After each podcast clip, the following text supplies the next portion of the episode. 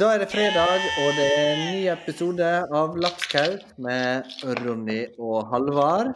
Ikke Eh, med, Forrige uke ikke med gulrot og kålrot, altså. Lapskaus med gulrot og kålrot, det med Halvard og Ronny. Riktig. Stemmer det. Det høres ut som det er litt ert der på gang også. Ja, må jo bruke tida. Ja, ikke sant? Effektiv. Eh, Forrige uke fikk vi rett og slett ikke tid til å spille inn. Det ble Den kokte ut i kål. Kokte til lapskaus, det blir bare lapskaus. Det er noe, altså nå har nå vi eh, liksom noe å stri med Eller ikke noe å stri med. Vi har, eh, vi har jo gjør på til, til vanlig. Og podkasten er jo på en måte en, eh, en bonussyssel vi holder på med.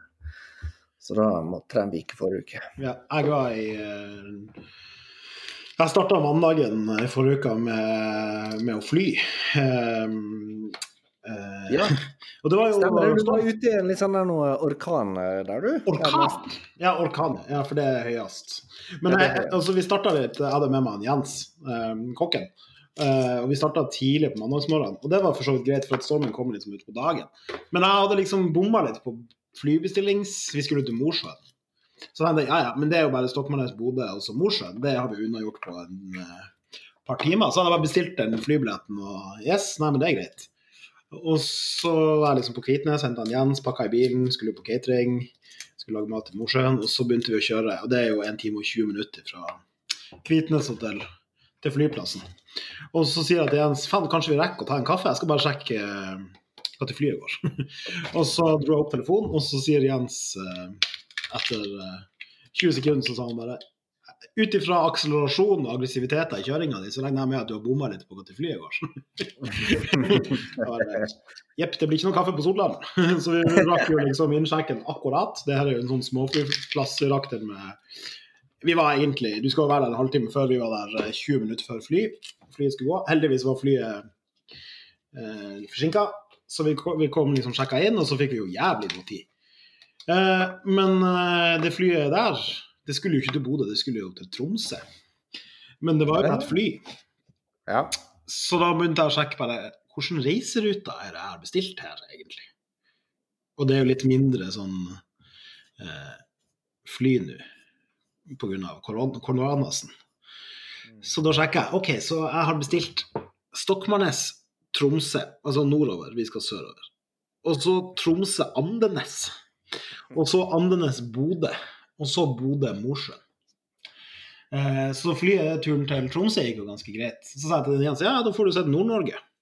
Så landa vi i Tromsø, og det er jo på, liksom, på baksida av øya der. Så sa Jens bare jeg trodde faktisk Tromsø var litt større enn det her. For det er jo bare en flyplass og sånn noen få hus. Så bare, ja, ja. Ja. Så letta vi, og da så vi jo liksom Ishavskatedralen, så vi fått se Tromsø. Og så sovna vi, og så bråvåkna vi av at vi trodde at folk hylte, og at vi trodde, at vi trodde de hadde landa. Men da hadde vi liksom bare truffet stormen. For å si det sånn. Og så landa vi I et på sånt lite propellfly, sant? så landa vi på Andenes. Eh, og når vi sto på bakken, så rista det mer enn det gjorde når vi var i lufta. Så jeg var mer stressa når vi sto på bakken. Ja. Eh, så Men um, vi kom oss nå av gårde og opp, og det var relativt Jeg så uh, rullebanen vi skulle lande på fra sidevinduet. Altså vinduet på flyet. Eh, og det var ikke for at piloten var full. Eller det kan godt hende han var full i tillegg. Men, eh, eller jeg skulle ha vært full hvis jeg skulle ha flydd i den stormen der. Så jeg skjønte han godt hvis han hadde vært full. Så vi landa i Bodø, og så hver gang vi landa på en flyplass, så sa egentlig han Jens vi må bare dra på, for at boardinga var jo for fem minutter siden. For at vi var jo forsinka, og de flyene skulle jo liksom treffe akkurat. Så, men, eh, og når vi liksom kom oss til Bodø endelig, og hadde vært innom Tromsø og Andenes, så sa de fra flyet at det er jævlig mye vind i Mosjøen. så der landa vi ikke. Vi tar og lander i Mo i Rana i stedet. og så blir det buss derfra. Ja. Eh, og akkurat når vi liksom satte oss på bussen og begynte å kjøre av gårde, så fikk vi beskjed om at ja, veien bak oss, den er nå eh, stengt. Der er det fire busker som har landa i veien. Og når vi kom fram til Mosjøen, så var det snakk om at de skulle evakuere Sjøgata, der eh, fru Haugans hotell ligger, fordi det var så høy vannstand i elva. Og vi skulle jo lage mat på denne Bartobrygga. Ja. Ja, ja. Og den ligger jo i elva. Sånn at det var liksom snakk om noen centimeter før vi hadde hatt vann inne på kjøkkenet. Altså sånn vann som vi ikke ville ha på kjøkkenet. Ja. Men vi kom oss nå gjennom. Det var åpninga der, bærekraftig eh, matopplevelses. Den der, eh, Ja, dette nye studiet. ja, det som vi snakka med han eh, Per Perra Theodor i den podkasten her. Så hvis dere ikke fikk med dere den, så kan dere gå tilbake og høre på den. Men søknadsfristen er nå over, så da må dere vente neste år. Ja. Ble det fylt opp? Den ble fylt opp. Og masse søkere og bra folk og Ja, jævlig bra. Ja. Så det er kult. Så. Og så når vi fløy tilbake, så fikk vi fly fra Mosjøen. Så når han, eh, Jens han fikk da vært innom åtte, nei, fem av de åtte flyplassene som finnes i Nordland. Det, det, er jo, det er jo noen avstander dere har eh, lagt bak dere. Ja. dere- Litt ironisk at vi fløy så mye for å lage mat på åpninga av noe som heter bærekraftig matopplevelse. Ja. Og så kjørte jeg jo eh, Jeg kjørte jo eh, Scampi og krokodille og kenguru. Er sånn, er sånn type krokodille med hockeypulver, da, eller? Ja. Så jeg kjørte en sånn skikkelig sånn bærekraftig meny. Nei da. Nei. Da. Så da møtte vi han der, eh, da, da møtte vi han der gale Espen. da. Han, jeg skjønner ikke hva han gjør, for han var jo kun å dra kaffe i lag med oss. Mens i arbeidstida, liksom. Ja, jeg føler dette samfunnet der oppe, det flyter litt sånn av seg sjøl. Ja. De kan, de kan ringe han hvis de trenger han i banken. Jeg- Ja, men jeg tror ikke han er, ikke han er i banken. Nei, sant. Og så eh, driver jeg og kjører sånn der hardcore lavkarbo for tida. Så det ville si at jeg var i Mosjøen i to-tre døgn og spiste fire cæsarsalat. For de hadde jo ingenting annet de kunne spise der. Nei. Så passelig lei av uh, det. Og så var det, vi var på en, en restaurant der, eller en kafé der. Det var vel kafé, ja, sånn lunsjplass. Og, og så satt vi attmed utgangsdøra, rett attmed utgangsdøra, og var liksom ferdig å spise. Og så kom servitøren bort, og så låste hun døra fra innsida. Og så gikk hun. Ja. Så bare Jens bare Hva som skjedde nå? Så, bare, eh, så jeg opp med Facebook der. Ja, de har stengt. Han bare, Veldig merkelig å bare låse og ikke si sånn sorry, vi har stengt. Så vi låste nå opp og gikk ut, og da møtte vi de ansatte på yttersida som hadde gått ut personalgangen. vi bare Altså, de kunne jo ikke De må jo ha sett oss, for vi satt jo attmed døra. ja. Det er veldig spesielt. Det er veldig spesielt. Bare, ja, ja, der får du bare sitte der. Jeg låser og går og gir noe faen. Det var veldig merkelig. Konge. Ja, ja. Det var en fin tur i Mosjøen, da. Ja da. Er bestandig hyggelig å være i Mosjøen. Ja, bra. Uh, denne episoden her skal jo vi snakke med den herlige Elise Bratteng. Ja, uh, det var jo nesten der jeg var. Jeg landa jo i Mo i Rana, og hun driver jo til Elise i lag med Marius Uh, Ja. på- i Mo, utenfor Mo i Rana. Ja. Jeg føler på en måte nå har hun fått eh, eh, Hun har fått åpna det hun har jobba mot eh, i hele sin kokkekarriere og utdannelse. Ja. Så det blir gøy å Ja. ja. Nei, jeg bare hører, hører du lyden av at jeg renser erter? Ja. Ja, for jeg, jeg tenkte at vi kanskje skulle si at jeg renser erter. ja. Vi nevnte det tidligere. Ja, vi sa lapskaus, men vi kom ikke inn på at den lyden er at jeg renser erter. Nei. Så Halvard renserte, altså. Vi må utnytte tida si. I går når vi så på krim, så rensa jeg rosenype. Ja, der ser du. Det fun- funka med sånn potetsnurresak. Ja, det gjorde det, ja. Ja, bare kok det Ja. først. Dunker jeg Ja. i den her eh, passøren, eller hva faen det heter. Snurrer rundt. Kommer pureen ut under, og så har du steinene fri. Og så må man bare passere den i en finere silen. eh, nypesaken. Nydelig. Ja. Så veldig bra. Også, men du, Ja. um, du har jo uh, siden sist også blitt nominert til Ingrid Espelid Hovig sin um, matkulturpris ja. 2020. Gratulerer så masse. Tusen takk. Tusen takk. Ja, det er jo stat. Altså, det er jo, det er jo faktisk ganske voksent og seriøst å bli nominert til. Ja. Ja, ja, voksen seriøst, så man kan jo liksom sette spørsmålstegn med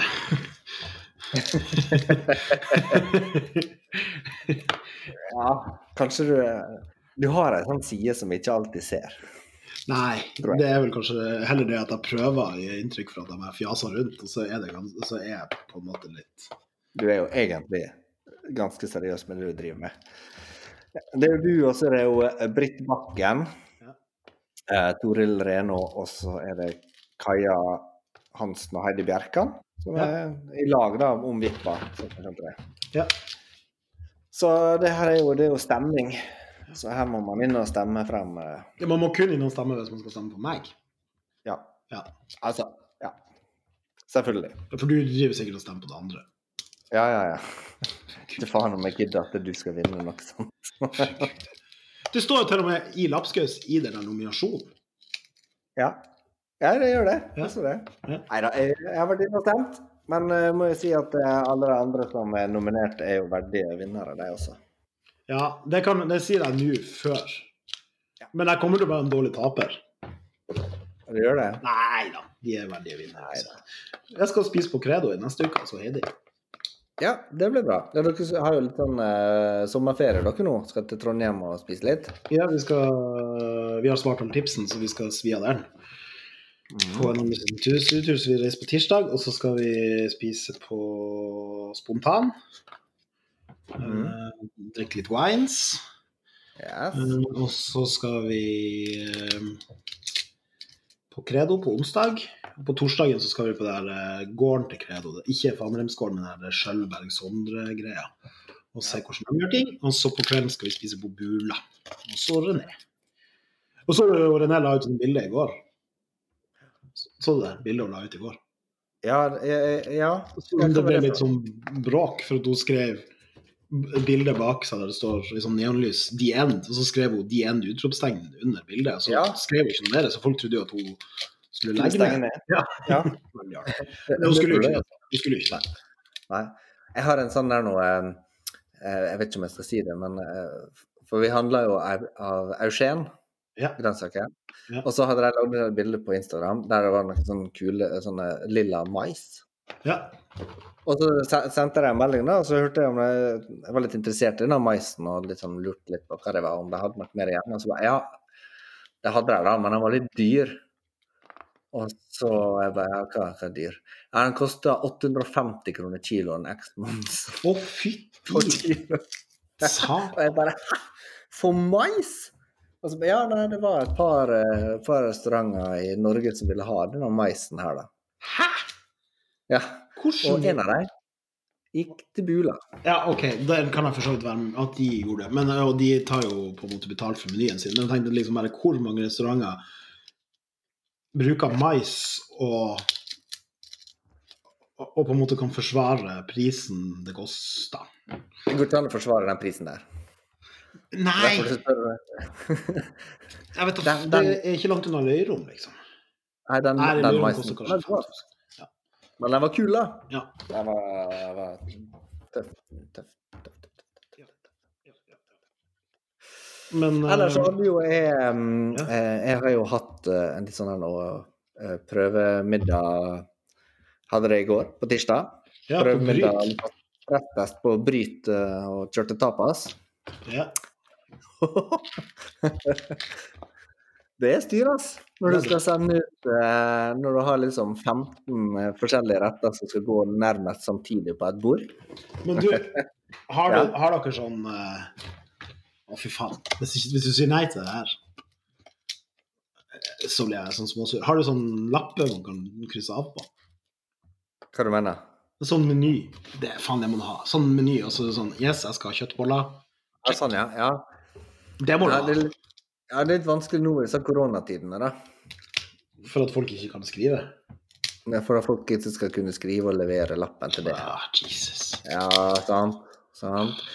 Men jeg har, jeg har alltid, egentlig alltid tenkt når, tenkte jo det at man bør ha sånne ting, iallfall så man kan notere på sjøl. For når jeg har sittet og skulle eh, bestilt masse forskjellige ting, så glemmer jeg jo fort Ja. hva jeg egentlig har lyst på.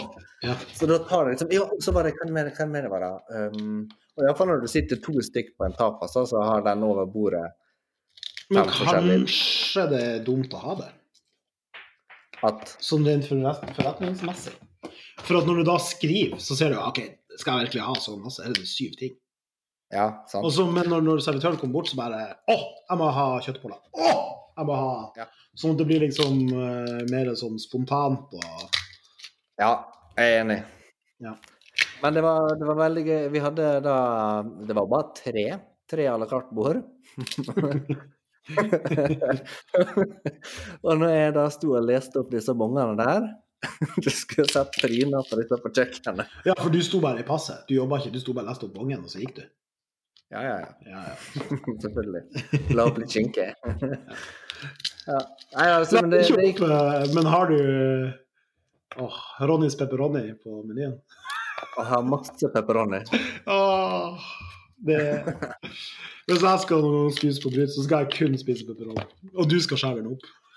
Er, er, er, pe- er pepperoni er ikke, det- italiensk, da? Jo, men du er jo rød. Ja, men hele, hele bryt er jo rød og svart. Ja, men du er rød. Ja. Og pepperoni. Spar det. Men uansett eh, Spar det! det her er jo, jeg kan jo ikke spare lenger enn det her. Det her er jo perfekte anledninger. Ja. Ferdig. Har du spart det? Eh, nei, jeg har brukt det. Så anyway, det var en uh, hyggelig kveld. Ja. Litt uh, stresstesten ble stressende nok. Hvor mange sitteplasser har du? Du, jeg kan sitte 100 stykk. Å, fytti helvete, det er mye pepperoni. Men da sitter det liksom eh, Da sitter det folk på alle krinkler, kroker, stoler og sofa og alt sammen. Men vi har vel en sånn eh, 70-80 bestilt hver dag nå denne helga her. Ja, Men blir det noe godt på menyen også? Sånn, blir det sånn sjøkreps og Du, har ikke sett menyen? Nei. Oi, oi, oi, masse gode godsaker på. Det har vi.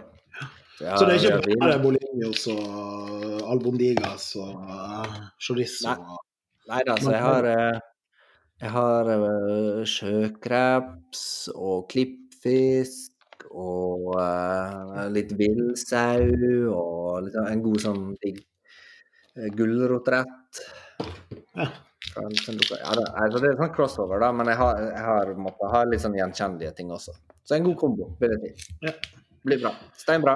Vi har uh, Bryt. Ja, bryt. Mm. Bright. Men um, Ellers så eh, lå jeg litt småsyk i helga. Å nei. Gjorde da. Rett ut. Rett ut. Mm. Flat out. Sånn er det det. Ja, det gjorde ikke jeg. Nei.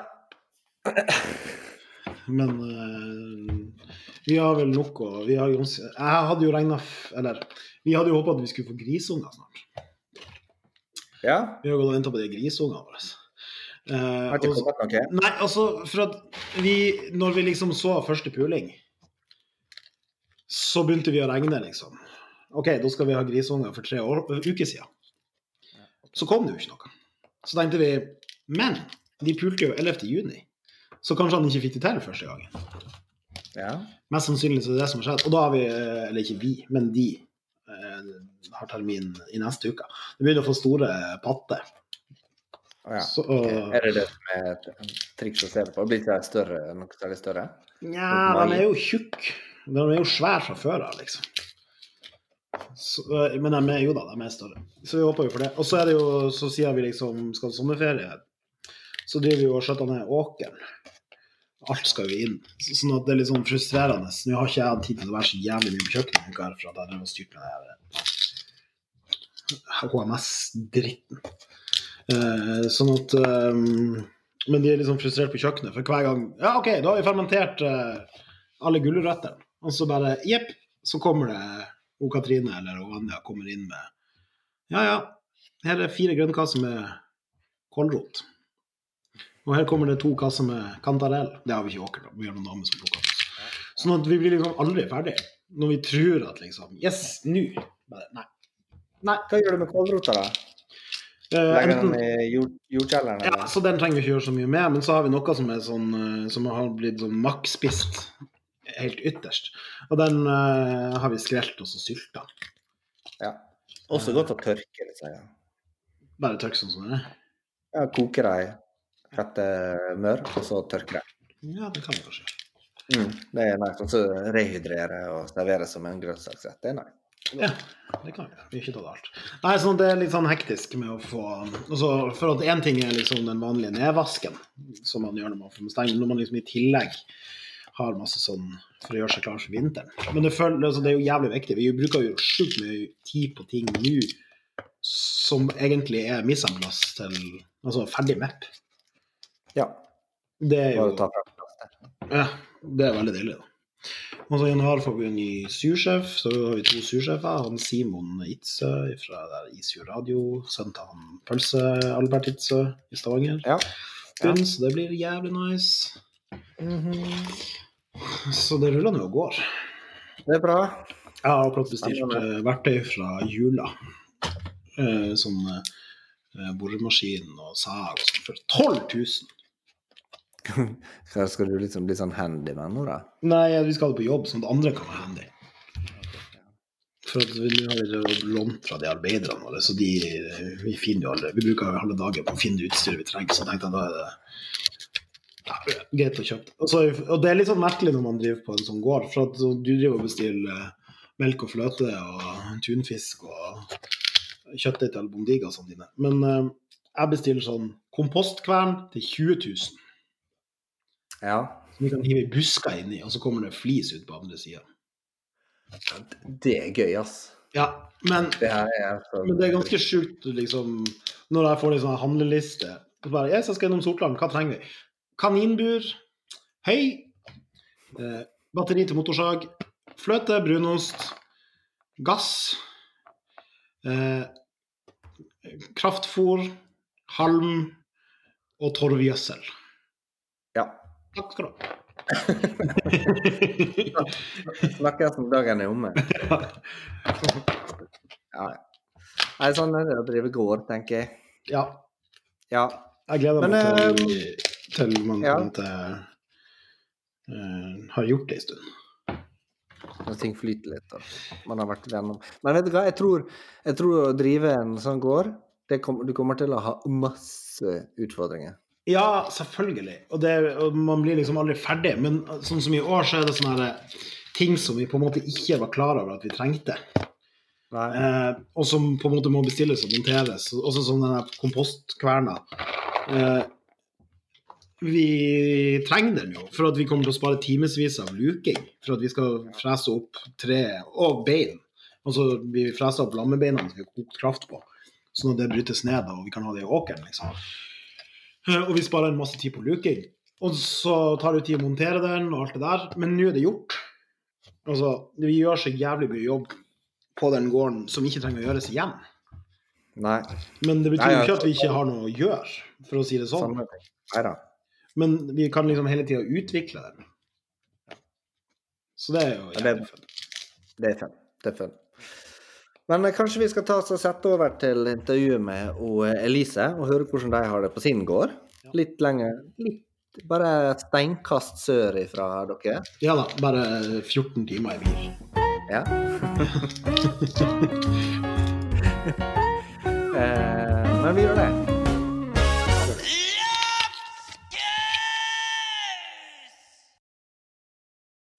Yes. Da sitter vi her med Elise Bratteng på, på tråden. Så hyggelig at du kunne stille på nokså kort varsel, Elise. Ja, veldig trivelig å bli invitert, eh, Ronja. Ja. ja så må du, du må vite det at du har vært lenge planlagt invitert. Ja, det går, det går så godt. Ja da. Ja da. Så, Vi har jo planlagt mange forskjellige planlagte inviterte, men så gjør vi ikke det før dagen før. nei. Jeg kjenner til eh, kokkeplanlegginga, det går veldig godt. Ja, ja, ja. ja, ja. Sånn er det. Hvordan går det opp på Helgelandskysten? Du, på Helgelandskysten så må vi absolutt uh, si oss uh, fornøyd i disse tider. Det er jo ingen, eh, ingen tvil om at det er utfordrende tider i hele bransjen. Um, så man må bare gjøre det beste ut av det. Ja. Har dere merka liksom turistsvikt, eller? Nei, turistsvikt er vel ikke Vi hadde veldig god sommer, men jeg er opptatt av sånn driftsmessig at uh, selv om sommeren var god, så kan man på en måte ikke drive hele året med to eller tre gode måneder. Så resten av året er jo òg viktig. Og det er klart for vår del så har bedriftsmarkedet vært det vi har hatt mest på høsten, så nå driver vi nå og omstiller oss og går mer mot privatmarkedet og ser hvordan det går. Ja. Ja. Så bra. Vi trenger ikke å snakke veldig mye om sånn koronating, for det, det, føler vi, det føler vi er lei av å prate om. Så jeg er, er enig. Man, Det er bra. man må jo bare hive seg rundt og så uh, em, gjøre det beste ut av det. Ja, Egentlig. faktisk. Ja. Men uh, vi, har jo, vi har jo kjent hverandre ganske lenge nå, Elise. Vi møttes vel Ja. på, på landslaget, var ikke det der? Der vi Jo, møttes? Det Ja. var det. det Ja, husker det begynner å bli jeg noen år siden. Det, og det er, ja, har du regna? Tolv år? Ja, det er det. Mm. Så 14 år det er nesten siden vi møttes. Herregud, dere er gamle. Begynner å bli kjempegamle. Men eh, du må nå um, Jeg tenker vi kan jo begynne litt med å bare fortelle litt sånn eh, Litt hva du har gjort eh, opp gjennom tida di. Du har gjort en del forskjellig. Du har jo ikke bare jobba på kjøkken, for å si det sånn. Nei, jeg, Nei. etter, etter vi var ferdig på landslaget, så hadde jeg jo veldig lyst til å ta mer utdannelse.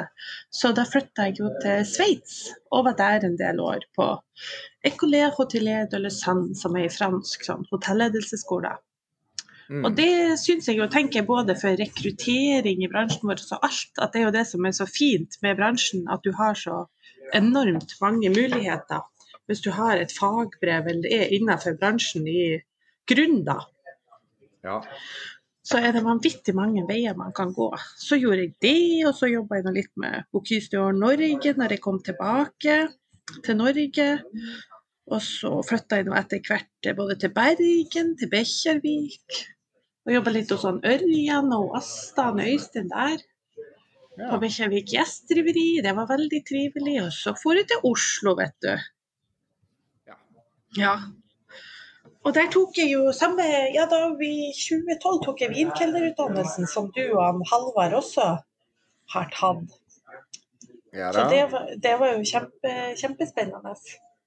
Vi sp spradda rundt med drueklassen vår, sant det, Halvard? Jeg fant den i en sånn eh, boks her på badet over ting som toalettsaker som jeg ikke bruker. Eh, I helga, eller forrige uka, når jeg skulle ut og reise, så måtte jeg lete etter linse. Så- Oi, der er den! Og så kom jeg på at For jeg har ikke tatt den ut av den plastikklomma som jeg fikk den i. Eh, så jeg tror vel jeg har et Instagram-bilde der jeg liksom tar bilde av den og diplomen mens jeg satt- sitter på do på Hitchhiker. Og det er liksom den gangen jeg har vært i nærheten av den. Nå blir han på hver dag. Ja, Nei, det går fint. Det går fint. Den eh, ligger fortsatt der jeg så den sist. Altså, det er jeg jo absolutt liksom stolt over og fornøyd med at jeg har tatt den, men jeg, jeg går ikke rundt med sånn her. Altså. Nei, og så kjenner jo, Man må jo kontinuerlig oppdatere seg. Det er derfor vi har f.eks. besøk av og, eh, Heidi eh, Irén Hansen nå her oppe hos oss, for å få påfyll. Og, for det er jo vanvittig viktig å repetere teorien og alt, eh, alt som skjer i vinverden. Så det er bra. Altså, det er ikke, det er ikke ofte man blir liksom eh, lærde av eh, Master of Wine heller, da. Nei, det er helt fantastisk, faktisk. Ja, og to til venner nettopp. Ja, bare jeg tror det var en måned og noen eh, dager siden. Så det er jo utrolig kult at vi har fått en ung dame i Norge eh, som også har fått master of wine. Ja. Ja. Og så for jeg nå til eh, Var i Oslo i mange år før vi bestemte oss å sette eh, snuten nordover. Mm. Ja. Og så Ja. vi opp til Nord-Norge i 2018, egentlig. ja. Det var en kort historie om livet ditt. ja. Eller ja, ditt. Kort, kort, kort oppsummert. Kort oppsummert. Nei, men eh, du må da fortelle oss litt om denne hotellhøgskolen eh, Ja. som du var på i Sveits. For det var jo eh, Det var jo en litt sånn eh, intens opplevelse, tenker jeg. Du, det var kjempebra. Det anbefaler jeg eh, alle sammen. Både det å få kunnskap fra, en, eh, fra et annet land og fra andre kulturer. Nei, det var veldig, veldig bra. Så var det faktisk en på landslaget som eh, mente at det var akkurat den skolen jeg burde gå, en som heter Steffen Engelhardt. Som hjalp meg å finne skole, og det var opptakskrav, så man måtte reise ganske mange ganger nedover til Sveits og søke seg inn på skoler før man kom inn. Mm. Eh, Så det gjorde jeg nå i flere runder før man eh, ble tatt, eh, tatt opp. Og da ble man tatt opp faktisk på bakgrunn av eh, hvordan sånn yrkesfaglig kompetanse man hadde. I tillegg til at man må ha en del sånn eh, ja, fag, rett og slett. Så jeg tok mye fag som privatist, og det er de helt grunnleggende fagene som man gjør på videregående. Og selvfølgelig språk. Hvor, var du jobba da, Elise? Var, du i Trondheim da når du drev med det? Eller var du Da var jeg i Trondheim. På Så da Britannia. gikk jeg ja, da var jeg på Britannia, og så jobba jeg litt på to rom og kjøkken. Og så tok jeg alle fag som privatister for å komme inn på skolen i tillegg til jobb. mm. Så det, men man får til det man vil, tror jeg. Ja. Ja. Men fortell litt om skolen der nede. Hva, hva hele greia Hva hele, hele greia går ut på der, at det er en eh, gedigen skole. Sveits er jo kjempekjent for fo- fokus på hotell og turisme, og er flink på det. Så den er, var jo faktisk skåret som en av verdens beste skoler, og det er flere i eh, De har en god del elever altså, fra Norge som har eh, gått der. Okay. Og så, men det er fra hele verden søker folk seg inn dit. Så det var rundt 1500 elever når vi gikk der. Oi. Ja. Hvor mange søkte da, vet du det? Og på faget, på de linjer jeg, Ja. akkurat det linja jeg tok, det vet jeg faktisk ikke om jeg søkte, men det var bare 29 som kom inn på den delen.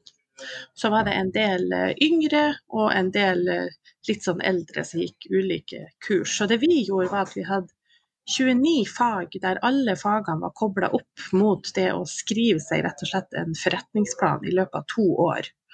Så alt blir veldig sånn praktisk eh, tilrettelagt for de som kommer fra et praktisk yrke. da. Og så hadde du ja, økonomi, markedsføring, absolutt alt er relatert til restaurant eller hotell, og så kobler du det opp mot prosjektet ditt. Si at du, ja, sånn som du Ronny, som har åpna bro, har skrevet alle tankene dine om bro i løpet av de to årene. da. Og så får du på en måte input fra absolutt alle de 29 fagene, og det var alt ifra ja, vi hadde advokater, vi hadde markedsføring, vi hadde økonomi, verdensøkonomi. Eh, hvordan påvirker alt det her reiselivet. Så jeg har lært utrolig mye som jeg har tatt med meg på veien, liksom. Og jeg er veldig sånn forkjemper at vi i restaurant òg må tenke på økonomien i det vi gjør. Så det var bra. Ja, så der, der uh, skrev du egentlig uh, til Elise, du da? Ja, det var helt klart begynnelsen på prosjektet, definitivt. Og så hadde du jo lærere fra hele verden som ga deg kjempemye input på hva som var lurt og hva som ikke var lurt. Så vi hadde lærere fra Canada og Sveits og Storbritannia. Egentlig overalt eh, kom de lærerne ifra til den skolen, så de var vanvittig dyktige. Mm. Hva tror du, um, hvis du, hvis du skal se på det du eh, lærte der, kontra det kokker som En del kokker åpner jo restaurant og så bare gønner på. Ja. Hva er det på en måte du tror du lærte der som de bør vite om? Hvis du skjønner? Ja, jeg tror jo, um, og jeg har gjort samme feil sjøl, det å tenke at man skal gjøre for mye i starten, og ikke være spissa nok da på konseptet sitt. Um, sånn at du på en måte får, i stedet for å ha god økonomi på én ting, så har du kanskje litt dårlig økonomi på fire ting, og så kommer du deg aldri eh, opp. Uh, så det med å tenke hva er det som eh, for det første er vi veldig opptatt av hva vil vi jobbe med. Hva er det som gjør at vi har lyst til å gå på jobb hver dag. Og alle sammen snakker enormt mye om hva kunden, kunden vil ha, og det er viktig. Men jeg tror til syvende og sist når du skal jobbe i vår bransje som er så eh, eh, arbeidsintens og krevende, så må du òg ha full motivasjon hele tida. Så finn ut hva er det man sjøl har lyst til å jobbe med, og hvordan skaper vi best eh, økonomi i det, rett og slett. Og så tror jeg man må tørre å se på tallene litt sånn i, i det små. Det er mange som tenker på en restaurant, ja, men vi har eh, lønna, og så har vi kosten for råværen, og så er det så vanvittig mye mer så du må ha med deg i regnestykket. Mm. Så tror jeg òg å bygge litt og litt er kjempelurt. At du tar eh, steg for steg. Skal du bygge opp din egen bedrift, så ta eh, steg én, og så kan man på en måte heller eh, kjøpe kanskje de mer luksuriøse tingene etter, etter hvert som man kommer seg opp og fram. Men det, alt det kommer jo an på hvor mye kapital du har i bunnen. Ja, det er jo en jobb det å få inn kapital også. Ja, Ja, det er jo litt definitivt. ja, det er kanskje ikke den enkleste jobben i vår bransje med tanke på banken sitt syn på restaurant og ja. Ja. Nei, jeg ser den. Det, tenkte jeg skulle spørre deg om litt etterpå. For, for så lenge jeg har kjent det, da, og du gikk på den skolen, så føler jeg på en måte at du har jobba ganske intenst mot akkurat det du har åpna nå. Ja. Ja. Så, eh, men vi kan ta det litt senere. Vi, kan- vi kan hoppe um, For du, du var jo med i Bocuse Norge, sa du mhm. Også. Du jobber mye med, med deltakerne i uh, Kanskje Ja. du kan fortelle litt om det? ja. Det var Det kanskje var- bare én runde, det var vel flere runder? Ja, utrolig spennende eh, å få være med på der. Og der var jeg litt mer sånn koordinator, egentlig. Eh, og jobba og bisto til eh, hva som skulle til med konkurransen og hvordan det var gjennomført. og eh, Både på reglement og eh, alle de tingene rundt. For Bocuse d'Or Norge er jo du har en kandidat, og så har han ganske sånn stort støtteteam eh, rundt seg. Og det tror jeg gjelder både i Norge og Sverige og Danmark. Så det er mange personer som bidrar inn til konkurransen. Så vi er utrolig heldige som har den muligheten, egentlig, i, du, i de skandinaviske landene. så du var egentlig ansatt i Bokhus Norge, du da? Ja, en Jeg periode. visste ikke, jeg, jeg, trodde, jeg trodde du var litt sånn at du ble med. Du var, hvem du var med, da? Gunnar? Både han eh, Gunnar eh, Warnes og han eh, Ørjan var jeg med. De, eh, en del av rundene. Ikke for Ørjan sin del, ikke de siste rundene, men de første rundene. Så det var kjempespennende. Og det der er både noen eh, du kan si noen eh, plasser er man eh, ansatt, og noen plasser er man med fordi man syns det er kult. Så i begynnelsen så var det mest fordi man syns det var utrolig lærerikt og spennende å være med på prosessen. Mm. Ja. Du, var, du, var vel, du og Andreas var veldig sånn chipsansvarlig, dere? For, Ja. Men det var mye chips. jeg husker, jeg husker dere drev og nerda dere på landslaget bort på tapasen med chips og nips. Ja. Ja. Det er det. Det er, det, er det. Så kanskje for- det kommer tilbake en, en dag når man får god tid. Ja. Du kan jo fortelle om eh, Det var ganske bra, den glippen du hadde under generalprøven vår Ja, til, til det... OL.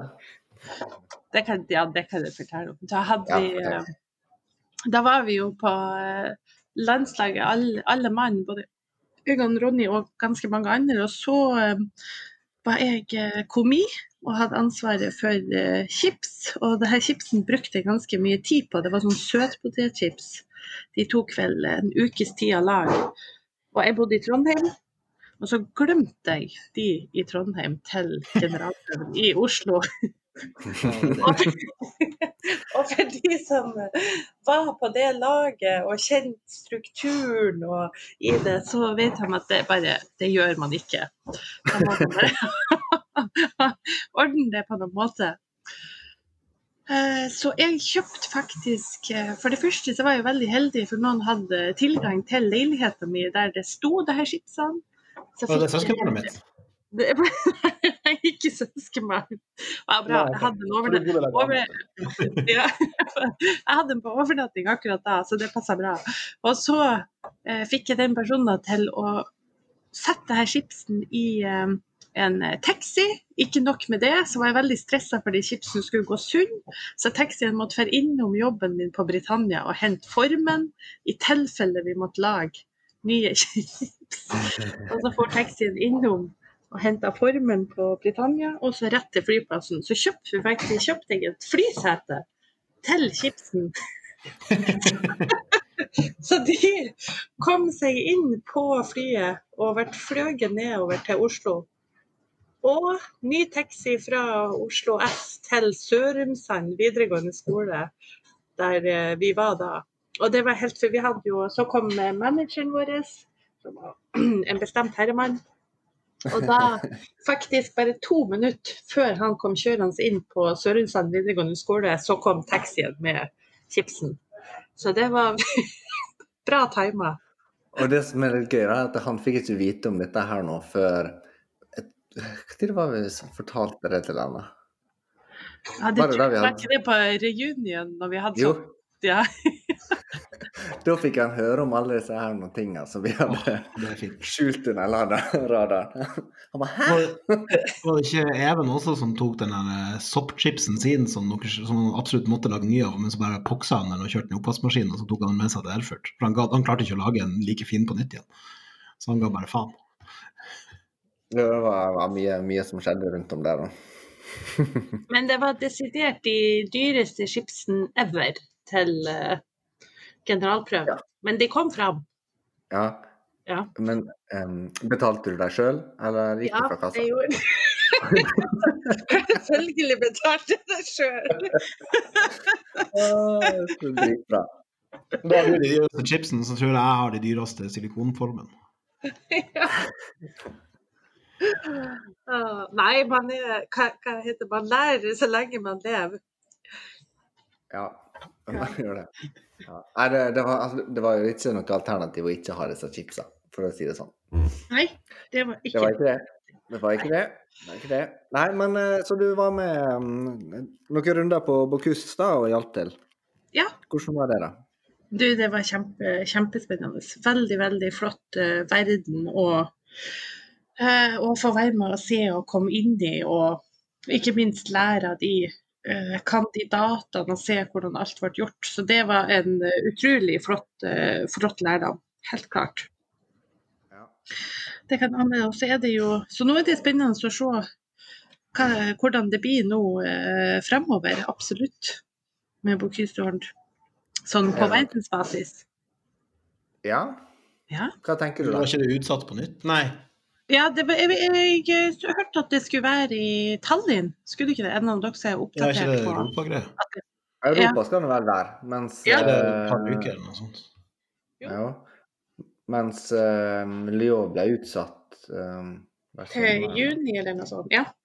Ja, det. Nei, så det er en spe spennende og konkurranse som jo setter Norge veldig på kartet, da. Ja. Føler du det er verdt tid og innsatsen og eh, liksom ressursene som blir brukt på dette her nå, eh, mot hva Norge får tilbake? Er det jeg tenkte på det, om den kom. Jeg vet jo, jeg har mistanke om Halvard sin synspunkt. Jeg eh, tenker at det er helt klart et diskutabelt tema, og i hvert fall nå i dag når man ser mye på miljøhensyn. Ja. Så tror jeg jo at eh, det er viktig at alle eh, ser hva kan gjøres for å gjøres bedre. Det tror jeg jo òg organisasjonene gjør. Nå er det noen år siden jeg har vært eh, så, så inne i det. Så om det er kommet nye reglement i forhold til svinn og sånne ting, um, det er jeg usikker på. Så er det jo det. Er du på en uh, toppsport, da, som jo det her blir, Mm. Så vil du jo uansett kreve enormt mye av eh, deltakeren og de teamet rundt. Ja, Så ja, det der diskusjonen kan man sikkert ha med, eh, med ganske mange sånne eh, ja, hvis man skal kalle det olympiske utøvere eller verdensmestere eller For det vil jo kreve noe helt annet, og det vil jo ikke være Du kan, du kan vel ikke si at det er direkte jeg vet ikke, Vil dere kalle det økonomisk forsvarlig sånn sett, hvis man skal se bare økonomien i det? Ja, nei, men altså, det er noe Ja, det er som du sier, da. Toppidrett. Det trenes og sponses jo, og, Men jeg tror og reises jo rundt her også, da. jeg, altså, jeg har jo på en måte vært kritisk til det, men det er jo mer liksom landslagsgreier. Det- Og så Bocuse syns jeg også liksom er, det er helt greit, siden du forventa at jeg skulle smelle, smelle tilbake på den. Ehm, men jeg er litt sånn litt kritisk til liksom at det er liksom så viktig for rekrutteringa av Bocuse d'Or Norge-greier. Altså sånn, for at vi har hatt Bocuse d'Or-vinnere hele tida. Eh, så vidt jeg, altså så lenge jeg har vært i det miljøet her. Og vi har jo ikke rekrutteringa har jo gått ned. Sånn det, og det har vært liksom fokus på at det har vært så viktig for å få opp og fram kok, altså unge, nye kokker. Det, det er en del av, av, av, pakken, selvfølgelig. Men akkurat hvor viktig det er, det er jeg usikker på. Ja, man kan jo Jeg tror det er sikkert vanskelig å utelukke det Eller det er at det ene utelukker det andre. Ja, nei, jeg tror det, tror det er vanvittig positivt som Norge som matnasjon, eller kan du si det altså sette Norge på kartet, og ikke minst for utviklinga. Jeg tror jo veldig eh, de som er kandidater, egentlig både på Eh, landslaget og på Bokyssa de jo, får jo mye tid til å utvikle ting som vi kanskje ikke får tid til å utvikle i restaurant. Det føler i hvert fall jeg fra mitt landslagstid, og ennå så var nå jeg bare komi. Men den tida du får til å på en måte sette deg inn i nye teknikker. Eh, og så er det jo mye diskutert med kaldmat eller ikke, men allikevel så får du en helt annen sånn eh, bilde av hvor eh, estetisk det kan bli, hvor detaljert det kan bli, ja, eh, enn det du, det du, ofte har tid til i, eh, i restaurantverden.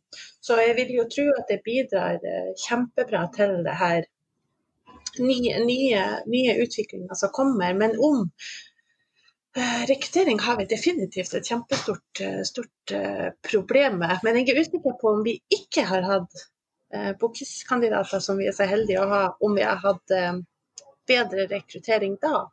Nei, jeg tror at den rekrutteringa der er det så mye sånn elementært Altså, vi må liksom røske opp på rota og begynne på nytt. Altså, ja, sånn, definitivt. Det kan vi være helt, helt enig i. Og, da, også, og det, det, er liksom ikke Bocuse og landslaget er ikke løsninga på det. Men det er absolutt en del av pakken. Det er jeg enig i, liksom. Men det er ikke det som løser det. Men at vi som, som eh, kokker og organisasjoner bør se på alle de her tingene som gjelder eh, både svinn og sånn, og så være litt sånn kritisk til oss sjøl, det tror jeg jo er viktig uansett hva man jobber med. Ja, Nå har jo landslaget kutta ut kaldmaten, og det er jo vel og bra, alt det der. Eh, og det er jo liksom det som gjøres i konkurranse, er jo én ting. altså det, det at dommerne ser på svinnet i Altså når de står og konkurrerer i Lyon eller i Europa eller med landslaget, er én ting, men det er jo alt det som foregår før. Altså jobben, det er jo bare siste 100 meteren av en maraton. Altså, jobben er gjort før der, og de ressursene som legges ned der. Og det er jo ikke det som berga verden og klimakrisa heller, at man liksom kutta ut på kyss eller, eller landslaget. Men, men, vi er jo på en måte forbilder, og altså, de også. Så det, og så er det liksom skaper man Det er én kandidat og ti på landslaget. Og hvis man liksom går inn når man er 18 og skal bli den, så tror jeg du fort kan bli skuffa. Liksom det er drømmen og målet. Men det gjelder jo alt. Det gjelder jo også fotball. ja, det gjelder jo fotball og ski. Ja. Ja. Men det er noe å satse mot, da, så jeg syns det er positivt å ha det. Men ja, det, det gjør jeg også. Ja, litt sånn der, Det jeg egentlig lurte på, var om vi, vi vinner litt eh, internasjonal turisme av Bokusta, kontra kanskje vi gjør med Maimo, eller Det tror jeg. jeg tror det er om, om vi vinner. Altså, om, du, om man får liksom noe internasjonal oppmerksomhet som gagner Norge mer Ja, definitivt. Ja.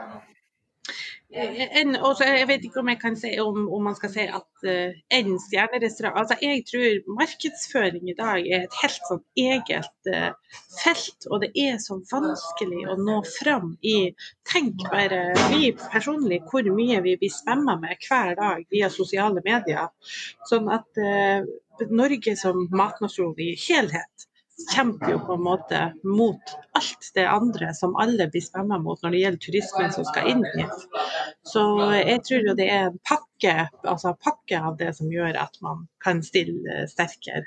Så der tror jeg eh, definitivt både helt klart stjernerestauranter og, eh, og Bocuse at det bidrar til positiv markedsføring i, i utlandet. Og så får jo vi som ligger litt sånn perferert eller annerledes uh, utnytte oss av det når de først er kommet.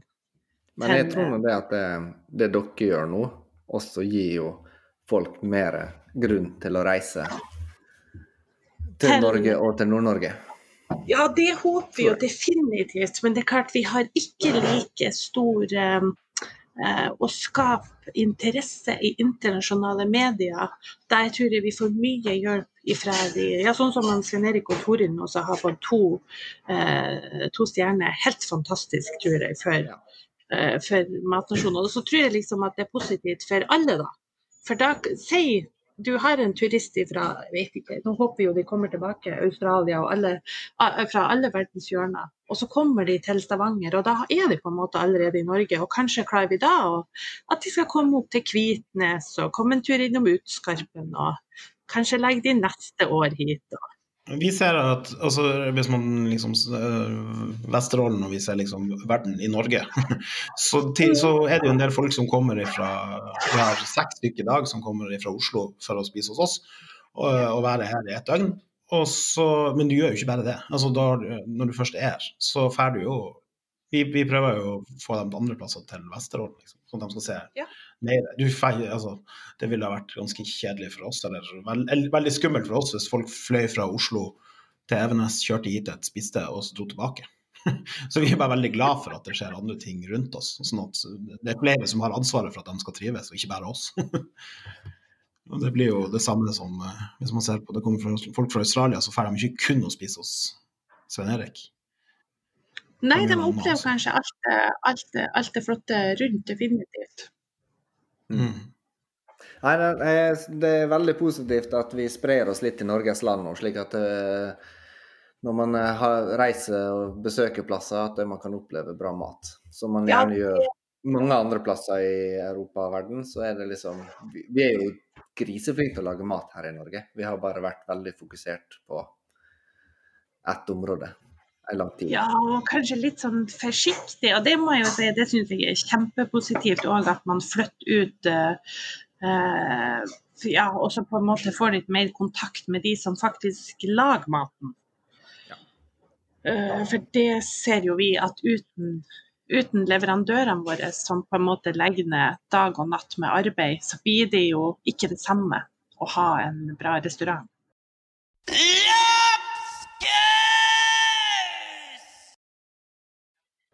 Mm. Men OK. Eh, og så eh, har du vært ganske lenge på Kulinarisk akademi, der du traff din eh, kjære Marius. Ja, Ja, som nå eh, driver til Elise fra Marius. Eh, men kanskje du kan fortelle litt om hva du gjorde på KA, og så litt denne her nå, denne her nå nøye prosessen du har hatt fram til Elise ble Ja. ja. Ja, for den, den, den har jeg litt lyst til å høre på. For, for min del så virker det som om du har eh, Ja, du har gjort alt liksom sånn superriktig og flinkt, hvis du skjønner. Hva flink, hva flink, det er typisk damesyndrom. Nei, Nei, typisk har- elitesyndrom. Sånn flinkt. vi har eh, Men vet du, faktisk fra jeg eh, begynte i Sveits, så laga jeg en sånn lita svart bok. Og i den boka så skrev jeg alt som jeg syntes var lurt og ikke lurt. Og i Sveits òg, jeg var mye ute på Du måtte ut og jobbe på hotell, og jeg jobba på rom. Og så du, du skulle på en måte gjennom alle, alle steg. Og jeg husker bl.a. når jeg jobba på housekeeping på rom, så skrev jeg opp at det å bøye seg hver gang man skulle ha støvsuger stikkontakten var dumt. Så på vårt hotell så er alle stikkontakter i ståhøyde til housekeeping.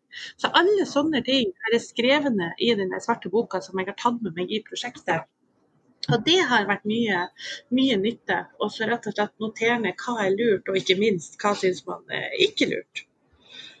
Um, og det samme jeg hadde jo vanvittig fin tid på Kulinarisk akademi når jeg begynte der. Og der begynte jeg som sånn prosjektleder for mathallenåpninga, da. Vi skulle åpne en ny avdeling i mathallen. Um, og jobba masse med det. Og da hadde vi kommet jo egentlig Det var ikke så lenge siden jeg hadde eh, kommet fra Sveits. Så da var du jo inne i det med å kjøre prosesser og planlegge og hva, hva skal til for å åpne. Så da jobba vi eh, masse, masse med det og fikk opp ei, eh, avdeling to i Kurdinaisk akademi. Og så ble det der en del år eh, etterpå som prosjektleder og avdelingsleder i Mathavn, og så til slutt assisterende daglig leder foran Espen, da. Som er eier og driver i lag med Jostein i dag.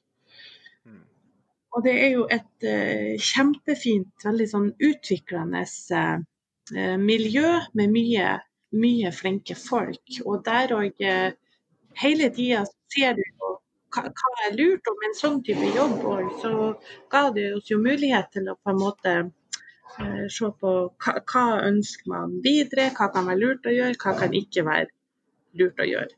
Så i 2015, når det her forferdelig forfalne gårdsbruket som vi kjøpte, kom ut for salg, så tenkte vi at eh, det må vi nesten bare kjøpe. Og da var det faktisk sånn enten så hopper vi i det, eller så kan vi selge det igjen. Men det ja. sånn ble det ikke. Ja. Så det var med litt sånn skrekkblanda fryd. Jeg kjente den eh, for farten. Småbruk. Den her er borti. Men du har nå, altså eh, du, Dere kjøpte jo dere småbruk, men du har ikke bare gjort det. Det har jo vært liksom det har, Og det har jo du også, Halvard, jobba ganske mye med søkninger opp mot Innovasjon Norge. Eh, liksom, jeg vet Du har gjort en del sånn markedsundersøkelser osv. osv. Ja, og det er kjempebra poeng, Ronny. For uh, det òg i Norge Jeg gikk bl.a. på skoler skole med en som var fra Sør-Afrika. Og vi skal vite det at de mulighetene vi har som bedriftseiere her i Norge, er det veldig få andre land som har. Så bl.a. de støtteordningene, og kanskje spesielt for oss som ligger liksom perferert og har du en god ny idé, så ønsker jo per i dag uh, Innovasjon Norge å, å bidra til du kan si arbeidsplasser i distriktet og de tingene. Og det var jo det vi òg så. Eh, og så er det viktig det du ser med markedsundersøkelse, for jeg tror mange prosjekt blir det mye idealisme. Og det er det definitivt i vårt prosjekt òg. Men vi var veldig sånn tydelige i hele prosessen at er det ikke marked for det, og ser vi at det ikke er noe økonomi i det, eh, så skal vi ikke gjøre det.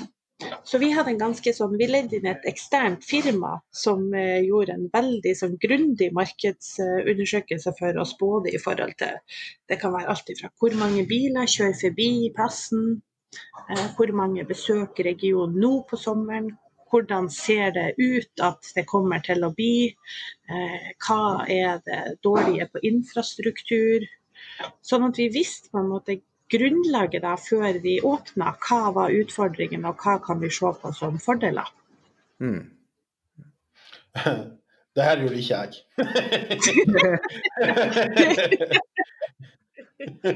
jeg bare dunka på. og hvis jeg hadde gjort det, så hadde jeg aldri åpna. For at det hadde bare vært sånn her Nei, det her kommer ikke til å gå. Nei, men hva var det som eh, sa at dere liksom ja, søren heller, vi klinker til og drar i gang på dette her nå? Um, det var, som ikke gjorde at dere solgte igjen, da? Si det, sånn. ja, som gjorde at, det var bl.a. det at vi oppdaga at det var vanvittig mange engasjerte bønder og fiskere i området. Mm. Som skapte eh, kjempegode produkt. Vi ligger liksom midt mellom havet og fjellet. Og det er ja, en kilometer bortafra så har vi en kjempeengasjert eh, eh, same som driver med reinsdyrdrift, som har eget slakteri. Altså Vi så alle de tingene der. Klarer vi å utnytte de mulighetene så nærme restauranten, så var vi veldig opptatt av at vi tenkte at det er til fordel for gjesten. Men når det skal sies, så var ikke banken trodde ikke det var lurt å bare fokusere på mat, og mange av de her konsulentene som skulle hjelpe oss å utvikle, mente at det var ikke nok å bare fokusere på mat. Eh, det var mange som mente vi burde ha sånn her hesteskokasting og teambuilding og kajakkutleie. Men det, det, det, er jo ikke vi gode på. Nei. Nei. Så, så det, ser dere for dere Marius på litt sånn hestesko? Kasting tror jeg ikke. Du, skal palle rundt der og vise sånn der og rulle sånn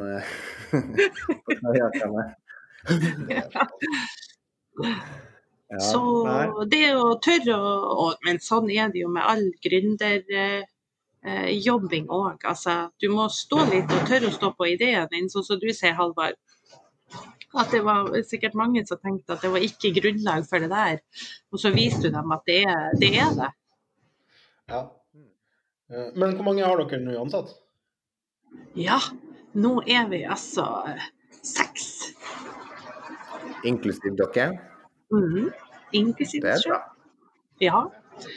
ja, vi starta med én ansatt, så det er definitivt en total eh, endring for oss. Ja. Mhm. Men det er, jo, det, er jo, det, er jo, eh, det er jo det gøyeste når du liksom kan begynne å ansette. Ja. Det er jo, det er jo da du liksom skjønner at dette her nå Dette her har jo noe for seg. ja. Ja. Så Jeg har vært en litt annen inngang på det enn som inntrykk jeg har av dere. For at uh, dere var litt sånn måteholden, på en måte. Vi ansatte én. Jeg tenkte at hvis jeg skal gjøre dette, så må jeg ha såpass mange ansatte at jeg ikke trenger å gjøre alt. Sånn at det blir liksom eh, Vi gikk litt hardt ut, kanskje. Eh, og så tenkte jeg at det får bare briste eller bære. Hvis det ikke funka, så funka det ikke. Men jeg, jeg var litt sånn um, vi fikk jo Ulrik rett før vi skulle åpne og alt det der. Så jeg tenkte at det må liksom være sånn bærekraftig for livet mitt fra starten av. Hvis ikke så, så, så går det ikke. Eh, Så vi måtte liksom skalere det opp ganske fort. Eh, Men det var egentlig fra starten også. Men det gjorde det jo enda mer skummelt. Ja, det, det, det tror, og så tror jeg, eh, for det der har jeg tenkt på mange ganger, hva er, er lurt. For det kan ikke Jeg kan ærlig innrømme at jeg har ikke lyst var bra oppstartår, men det er ikke noe jeg kunne tenkt meg ja, det gjør jeg igjen. Nei. Nei. Så, Men dere får vel også en liten fyr eller krabat av ganske snart?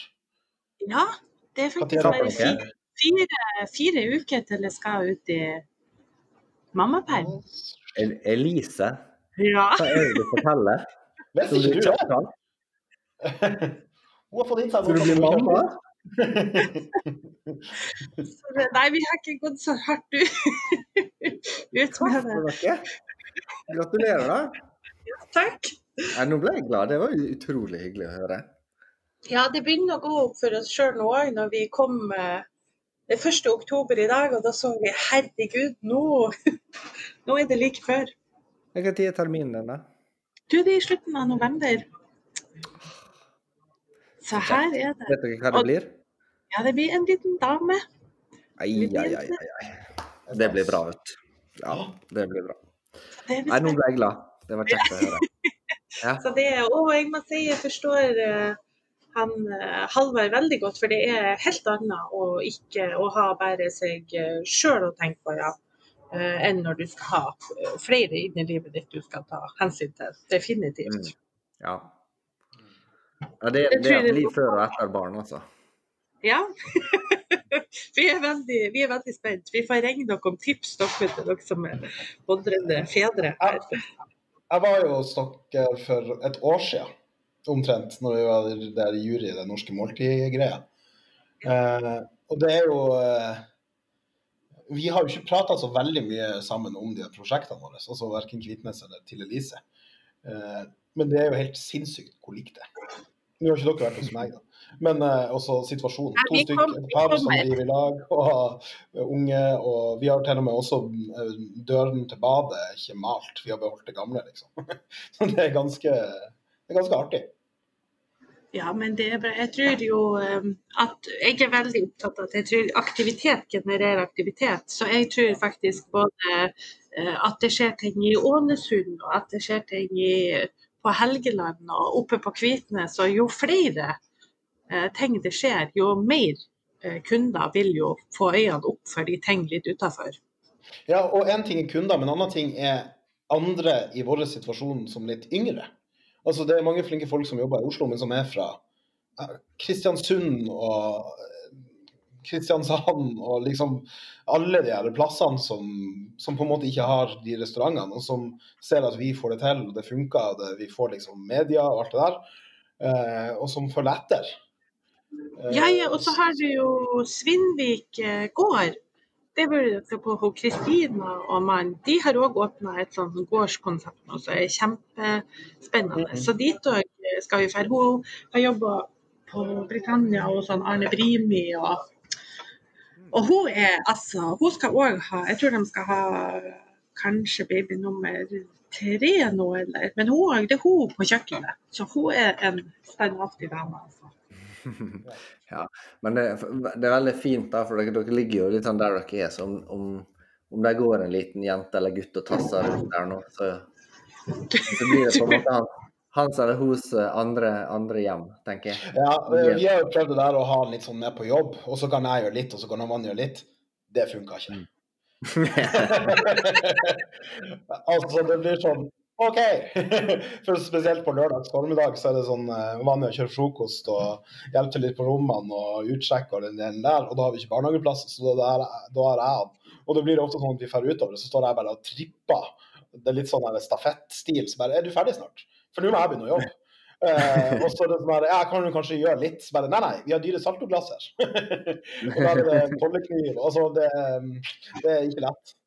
Så det har jeg liksom bare lagt fra meg. Så nå når jeg tar meg ut, så er det liksom med fokus på ikke jobb, men at uh, han skal få lov til å være med og plukke gulrøtter og se på dyrene og sånn. Men uh, jeg får jo økt puls med en gang jeg kjører inn på tunet her. det kribler jo i alt av ja, for å få begynt å jobbe. Så hvis dere tror dere skal være begge på jobb og, eh, og få jobba noe, det, det skjer ikke. Nei, vi har faktisk Nå kommer det enda flere ansatte fra oktober, så det tror jeg blir veldig bra. Så vi er Sannhet av Marius, vi gjør det helt motsatt av resten av likestillingsverdenen. For nå blir det bare herrer eh, i landet hans, så det blir bra. Da får de seg et, et, et mannlig team her et års tid. Ja. ja, ja. Men det skal nok gå godt. det går nok godt. Men du, fortell, for, du må jo fortelle litt om uh, til Elise, da. Ja. Ja. Det er jo en, en, restaurant, eller vårt ønske var jo på en måte også flytte restauranten ut dit maten produseres.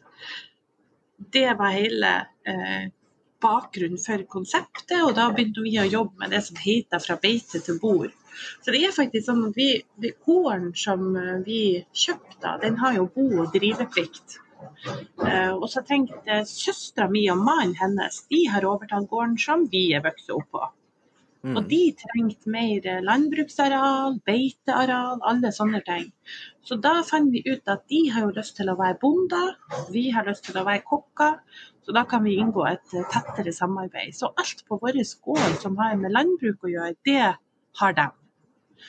Og så kjøper vi eh, kjøtt og melk tilbake. Så det var på en måte der det første frøet var sådd. Og så så vi OK, det kan være et fruktig samarbeid. Så vi utvikla det videre. Så nå har vi på en måte masse, masse leverandører som kommer rett til restauranten med eh, det de produserer og driver. Eh, og det vi ønsker er jo at gjestene Vi har på en måte kjøpt inn råvarer. Ja, Marius har jo jobba i Oslo hele livet sitt. Og kjøpt inn råvarer fra distriktene og inn til Oslo sentrum, eller så godt som. Mm. Så nå ber vi rett og slett gjestene om å heller komme ut til der råvarene produseres, istedenfor at råvarene skal reise inn til byen. Så vi har jo snudd, snudd, på prosessen, og det har vært veldig godt eh, mottatt.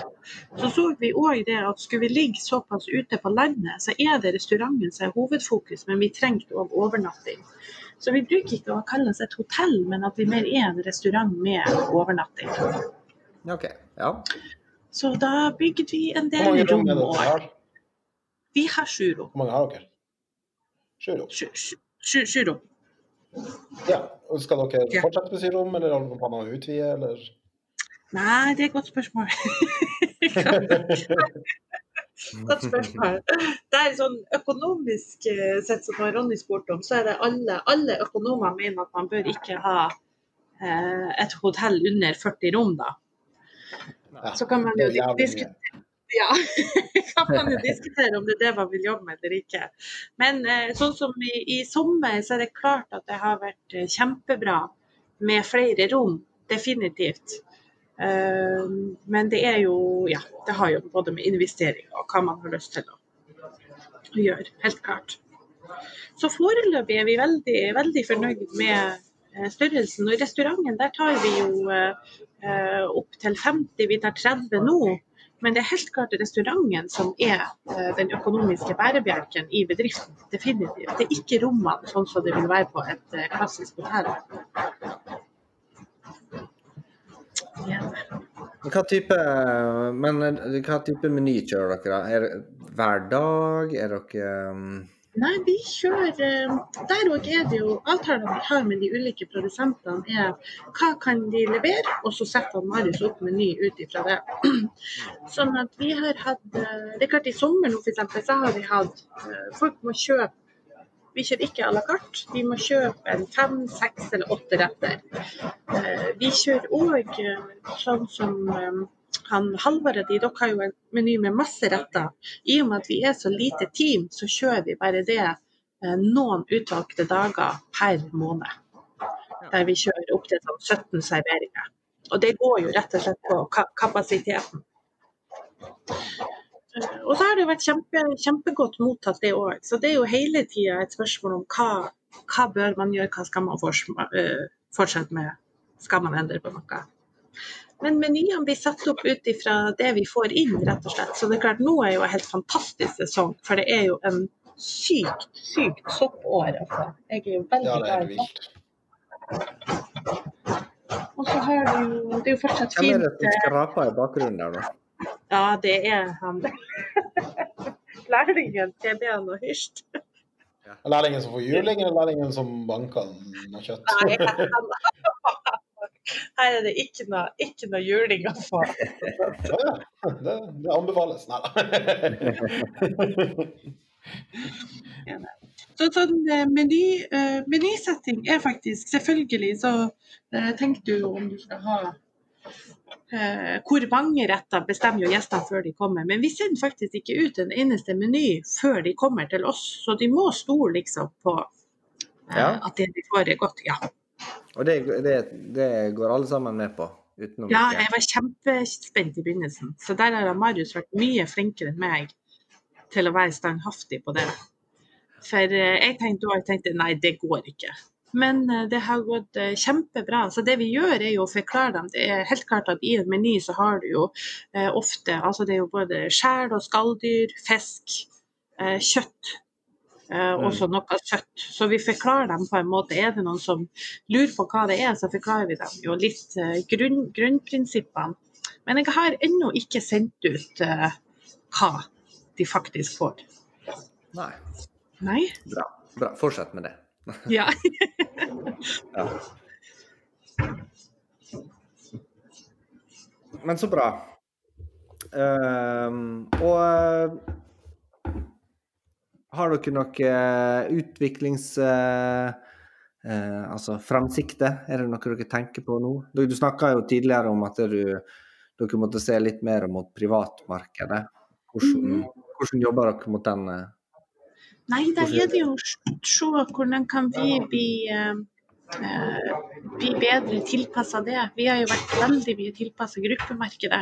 Så da må man jo se faktisk på hele kjøpsprosessen. Både de bookingløsningene, de digitale løsningene, administrasjon. Altså alt det rundt. Hvordan oppfatter kunden det å ta kontakt med deg som en toerbooking eh, kontra i gruppe. Og så er det jo òg ingen tvil om at du trenger mer personal med kun privatbooking enn gruppe. Mm. Så det er jo òg noe vi ser på. Så har vi òg drevet og pusset opp låven vår for å få litt mulighet til større eh, eventer. Ja. Har dere laga sånne fotballbar? Fotballbaren til Marius, ja. Ja? Den er, under, den er underveis. Nå vel eh, eh, Å, fotball er ikke inne på, men jeg skjønte at alt ble utsatt nå det her året i forhold til ulike cuper og sånn. ja. Så åpninga av den her eh, kommer, eh, kommer etter hvert. Så det blir bra. Men det er klart, eh, når, når det er sagt, eh, så er det jo jeg og han Marius som eier hele geskjeften i lag. Sånn at vi tar utviklingen ganske sånn steg for steg. ja. Hva er det Jeg skal få han til å slutte, å banke på kjøkkenet. Hva er det Elias! han banker? Hva har han laga?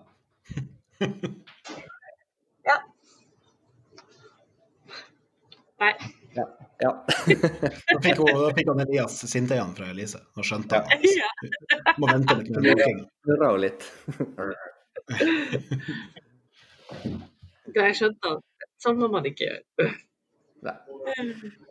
Nei, men eh, det høres eh, veldig bra ut. Jeg gleder meg til å Jeg gleder meg til å reise nordover nå. Jeg får ta med Ja, for du tror jo at Mo i Rana og, og Sortland Vesterålen ligger rett attmed hverandre. Ja, ja. Han Ronny var i Mosjøen på Arktisk mat, og så sa han, ringte han meg og sa jeg skal til, skal til Nord- Nord-Norge neste helg. Kommer du, stikker du innom en tur? Jeg bare, det er 16 timer å kjøre.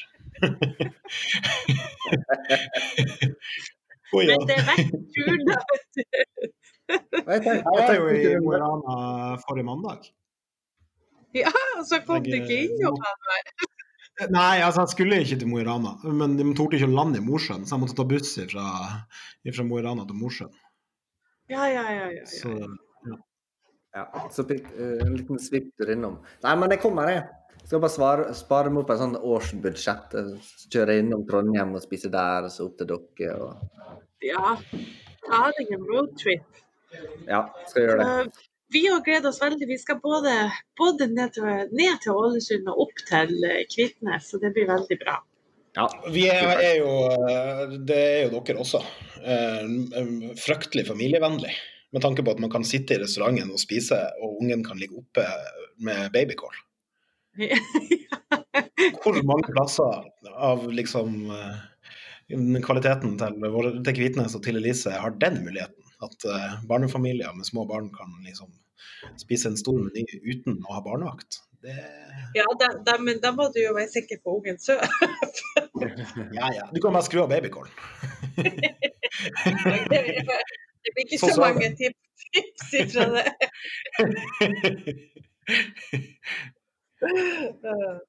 Ja, bra. Ja, men det, avslutningsvis her nå, så har vi tre spørsmål til deg. Ja. Eh, eh, det første spørsmålet eh, kan være Hva er din guilty pleasure av mat? Pølse med brød. Pølse med brød? Ja. Dårlig guilty Det snakket jo vi om, i- vi kom jo med en sånn bonusepisode denne uka, og der uh, snakka vi om pølse med pølse med brød. Vi kommer inn på det, vi òg. Ja, men det er en av de tingene jeg savner her oppe. For i Oslo så kunne jeg godt gå innom eh, 7-Eleven og kjøpe meg en pølse med brød og rekesalat etter jobb. Så da snakker vi ikke noe sånn med gourmetpølse. Men det går ikke an i Utskarpen. Det gjør ikke det? Nei, OK. Nei. Så du må, du må lage det selv? Da blir ikke det samme? Nei, det blir ikke det samme. Nei, Nei. det blir ikke det. uh, og så kan vi hva, um, hva er din favorittrestaurant som du mener folk absolutt må besøke?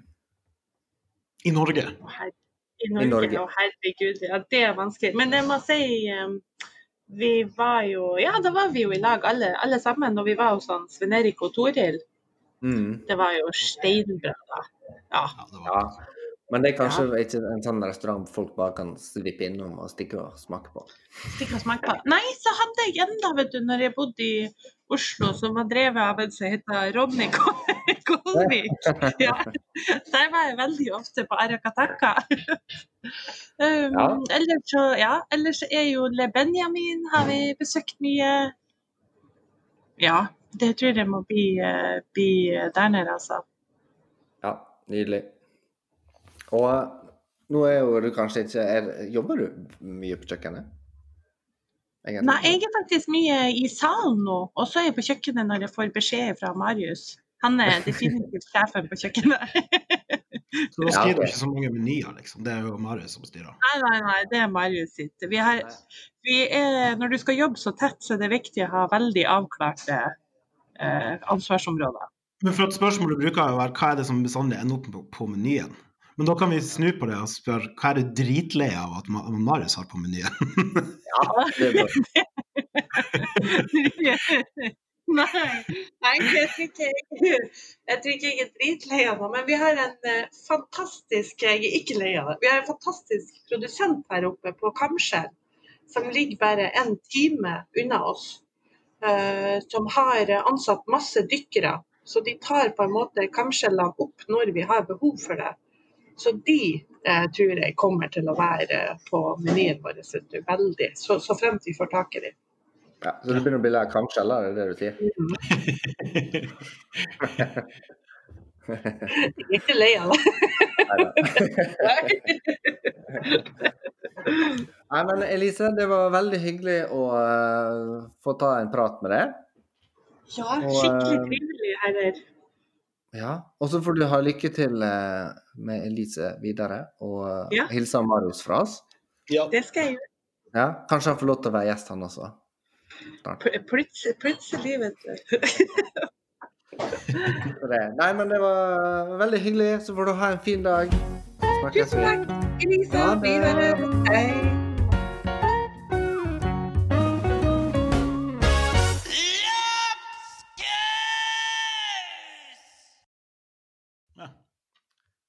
Da, det var hun Elise. ja. Herlig dame. Eh, kort, raskt, what's hot, det er at vi har uh, sommerferie fra neste uke og en måned. Er det hot i Norge? Ja, fy Alle faen. sammen, følg med på, uh, på den hotte gjengen fra Kvitnes. Som er smart nok til å ta litt sommerferie i oktober. Yes. Ja, men det er nå meldt kanonvær, da. Så det Ja, eh, vi, skal, vi drar til Trondheim og skal spise på eh, tre hotte plasser, som er Credo, Spontan og Bula. Eh, det blir jævlig nice. Men det, også det er veldig fint, liksom. Nå har vi jobba som faen siden begynnelsen av juni. Altfor mye. Og liksom få avslutta med en tur i lag og gjort noe helt annet. Få gjort noe annet enn å hive etter pusten. Ja. Så det blir, det blir veldig, veldig fint, altså. Og så har jeg tatt på meg noen cateringer i løpet av eh, sommerferien og litt sånn, så det, det er bra. Takk skal du ha, Halvard Ellingsen. det er bra. Nei, men eh, du får ha en eh, fin eh, tur til Trondheim, og så eh, takk for at dere hørte på episoden vår. Ja, og så har vi jo spilt inn en bonusepisode som kommer én gang før neste episode. Altså etter Elise, så kanskje kommer den på, allerede på fredag, kanskje den kommer på lørdag, kanskje den kommer på søndag. Men før neste episode så kommer det en bonusepisode. Det er jo lov å kjette på ytre ja, tise og Det er lov å tise. ja. Neida. Nei, men eh, flott. Takk for nå. Yes, ha det på bra. Ha det.